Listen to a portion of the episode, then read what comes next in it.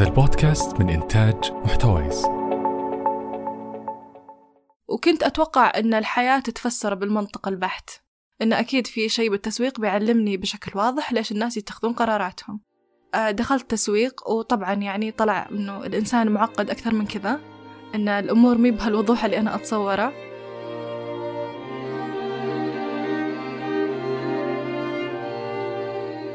الحياة رحلة طويلة ملأى بمفترقات طرق طرق طويلة تصعب العودة منها.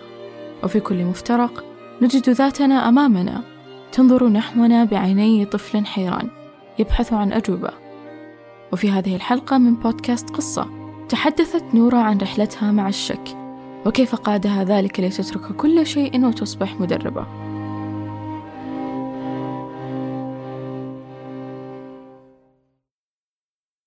قبل أن نبدأ قصتنا. فالتواصل وسماع قصص بعضنا صار أهم من أي وقت مضى. في تقنية الجيل الخامس من زين جعلت التواصل أسرع بتوفير تغطية أكبر. تصفح أسرع بعشر مرات من الجيل الرابع. خدمة الجيل الخامس من زين عالم جديد سيغير حياتنا. أهلا وسهلا. آه، اسمي نورة شبيلي. أعمل حاليا ككوتش. آه، أساعد الناس في تطوير الوعي الذاتي الوعي العاطفي. بشكل عميق وبشكل علمي بحيث يعيشون حياة يفهمون فيها أنفسهم حياة تشبههم حياة طيبة. فهذا الآن عملي واللي قاعدة أسويه. أنا من يومي من لما كنت صغيرة من لما كنت بالتمهيدي آه كنت أحب أسأل. أتذكر كان من ضمن التعليقات حقت المعلمات وأنا في التمهيدي كانوا يقولون لأمي بنتك بس تسأل ليش؟ فمن يوم أنا صغيرة وأنا كل شيء أسأل ليش وأسأل كيف وأبغى أعرف ليش كذا وكيف كذا. فاستمر الموضوع معي استمر حب التساؤل استمر هذا الإحساس بالدهشة والليش فحتى في مراهقتي اكتشفت الفلسفة لأول مرة من حياتي أذكر كانت حتى رواية اسمها عالم صوفي. آه، فقريتها واندهشت حسيت في شيء يشبهني حسيت في شيء يمثلني هل هالتساؤلات وهال هالدهشة اللي أحس فيها للعالم.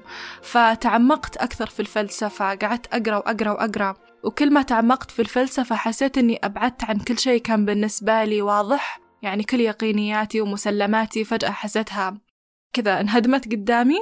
فكانت مرحلة بحث وكانت مرحلة ضيعان وكانت يعني مرحلة ما هي سعيدة أقول. بالعكس كانت مرحلة مؤلمة. كنت أحس إني أشتاق لطمأنينة الأمان وإني أعرف. فتساءلت عن كل شيء حتى نفسي هل أنا موجودة؟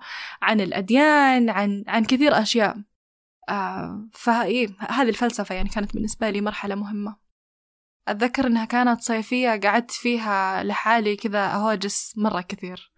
فهنا حسيت إن الأشياء اللي بدأت تروح بدأت تختفي بدأت تصير علامات استفهام. كانت بالنسبة لي صراحة لحظة تعب لحظة إرهاق ذهني. أحس إني بحثت وبحثت وبحثت وبحثت لدرجة إني وصلت لحدود العقل أدركت إن العقل أداة. إننا فينا يعني فينا روح فينا شيء ما نقدر نلمسه بالعقل وبالأدلة المنطقية والفلسفية. أذكرها كانت لحظة حزن وكذا يعني كنت جالسة أصيح وأقول يعني تعبت أنا تعبت. ف... فأول شيء سويته إني سجدت وكذا صرت أدعي فقلت أوه يعني الواحد يتصل بالله بروحه مو بعقله. فمن هنا بدأت لحظة إني صرت أشوف الروحانية والدين بشكل بعيون جديدة يعني أقدر أقول. التغيير اللي صار في أسلوب حياتي إني بديت أشوف الجروح اللي, اللي سببها سنين وسنين من إني أنا كنت مرفوضة. يعني في كثير من الحصص في المدارس يعني طبعا خاصة حصص الدين آه كانت تساؤلاتي غير مرحب فيها. بالتالي بديت أشوف إن يعني كيف كيف هذا الشيء أثر علي أنا من جوا. كيف خلى الدين بالنسبة لي شيء كذا في علبة. شيء ما يمسني بحياتي اليومية شيء ما يعنيني صار شيء كذا بس مجرد ممارسات. فبديت أشوف أفتح هذه العلب. بديت أحس إني أبني علاقة مع الله من منبع الدهشة والحب والتفكر مو بس من منبع إني أنا بطبق شيء مكتوب. فصار الدين بالنسبة لي شيء شخصي أكثر.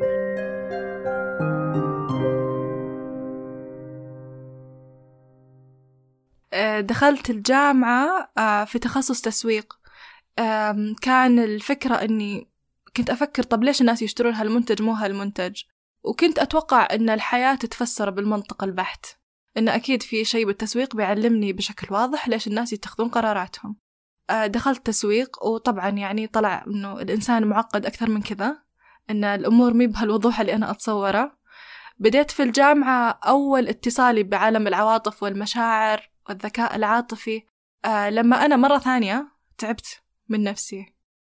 فيعني أغلب لحظات ال يعني خلينا نقول الإلهام أو التغير اللي صارت في حياتي جت من تعب من إني حامة كبدي. أي فتعبت من نفسي.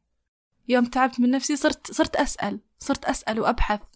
أقول طب أنا بالطريقة هذه اللي أنا منفصلة عن مشاعري وأنا ما أدري كارهة الناس وما أبغى ما أبغى صداقات ما أبغى يعني مكتفية جدا في الدائرة الصغيرة اللي عندي. طب شلون أقدر أطلع منها؟ فبدأت أبحث في النت. بدأت أبحث يعني خاصة لأنه أنا يعني كانت عندي اللغة بدأت أبحث بمصادر أجنبية وإنجليزية.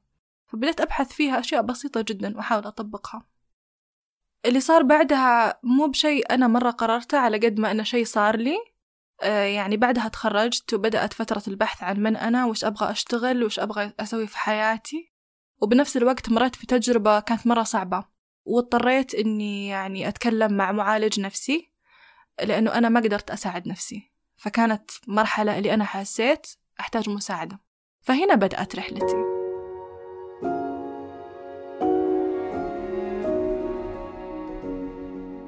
اللي صار إنه صراحة أحس كأني كنت عايشة بفقاعة والدكتور يعني كأنه سوى يعني حط حفرة أو إنه فقع الفقاعة. كان عندي طول عمري قولون مرة يعورني قولوني وما عمري قد فكرت إنه قولون عصبي إنه متصل بالمشاعر. كان كان بالنسبة لي المشاعر وش المشاعر؟ يعني شيء ما أفهمه ما أدري روايات رومانسية ما يعني ما شيء مو مو يعني تبعي أبد. فأول مرة في حياتي قال لي إنه القولون والبطن متصل بشكل مباشر في الحالة النفسية وفي المخ. وطبعا ما صدقته. وقلت هذا أكيد دكتور مخرف لأنه كان كبير في العمر. وما صدقته وقلت له أرسل لي مصادر. قعدت زعلانة ولا كملت الجلسات طبعا ولكن حسيت إنه إنه لمس شيء في نفسي أنا ما أبغاه يلمسه. فقعدت سويت بحث يعني شهور وأنا أبحث لما اقتنعت وكملت رحلتي في موضوع العلاج والتشافي النفسي.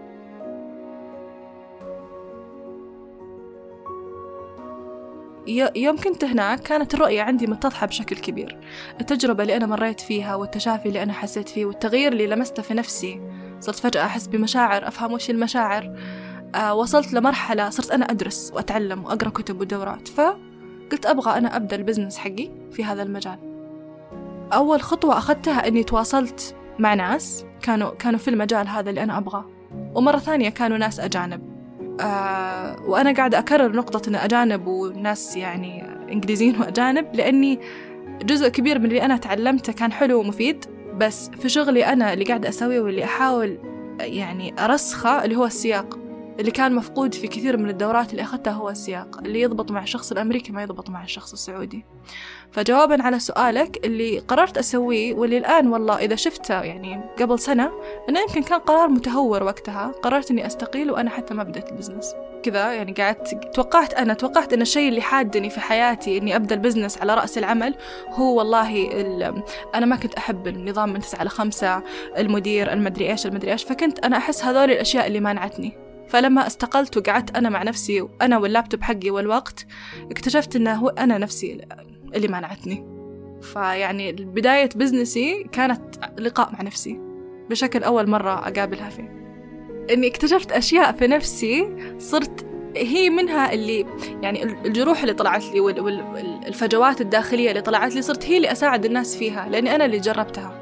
فمن هنا بدأت أسوي الموقع حقي بدأت يعني أسوي نفسي تسويق البودكاست غيمة وغيرها من الأشياء.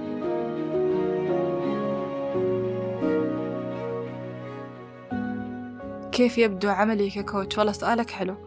آه عملي ككوتش هو شيء بالنسبة لي آه يعني أنا أحبه صحيح وهو شغفي صحيح بس في بعد جوانب البزنس فأحيانا الناس يشوفون يقولون أوه أنت تعيشين الحلم ما شاء الله عليك. إي صح ممتاز بس في جوانب كثيرة أنا ما أحبها وأشياء كثيرة أنا أسويها وأنا ما أحس بإلهام ولا أحس بشغف بس أسويها. فيبدو شغلي إن في منه أشياء حلوة اللي هو عملي مع مع العملاء والعميلات.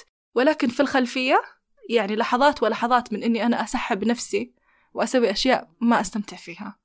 ما أحب كلمة life coach آه لعدة أسباب يمكن أهمها إن الكلمة أنا يا نورا توحي لي إيحاء كأن هذا الإنسان فاهم الحياة قافط الحياة عنده أسرار أنا ما عندي إياها.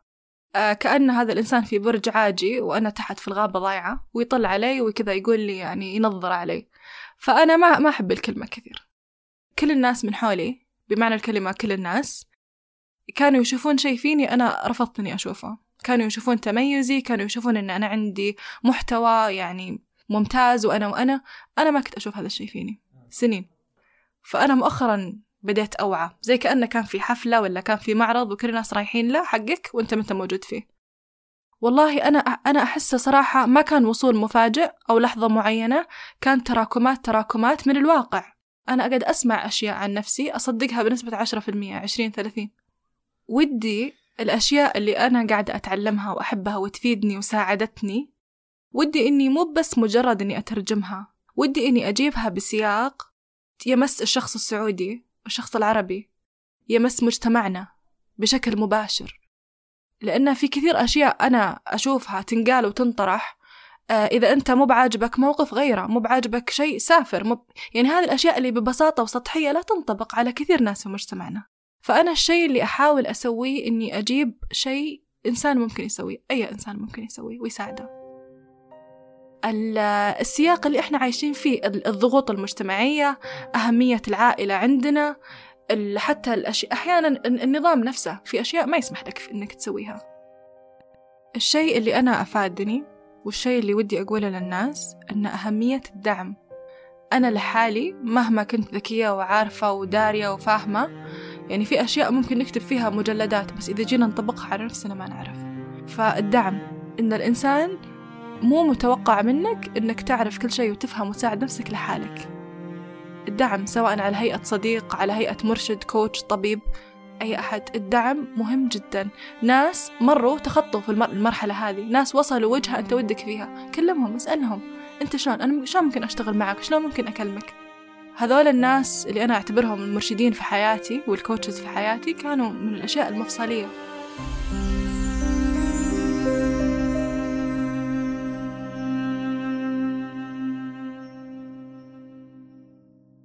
الشيء اللي ودي أقوله إنه إنه مهم الواحد يشوف نفسه بكليتها والحياة بكليتها. يعني الجوانب المظلمة والجوانب المضيئة مننا من, من بداية بزنس من شغف من قصة كلها مهمة. فالواحد ما يقدر يوصل مكان كويس بس بالشغف وبالسعادة وبالهذا. لابد الواحد يلتفت للفشيلة للخوف للحزن للكثير أشياء اللي عنده عشان يوصل وصول متكامل. ما يوصل وصول جزئي أو وصول مشروط.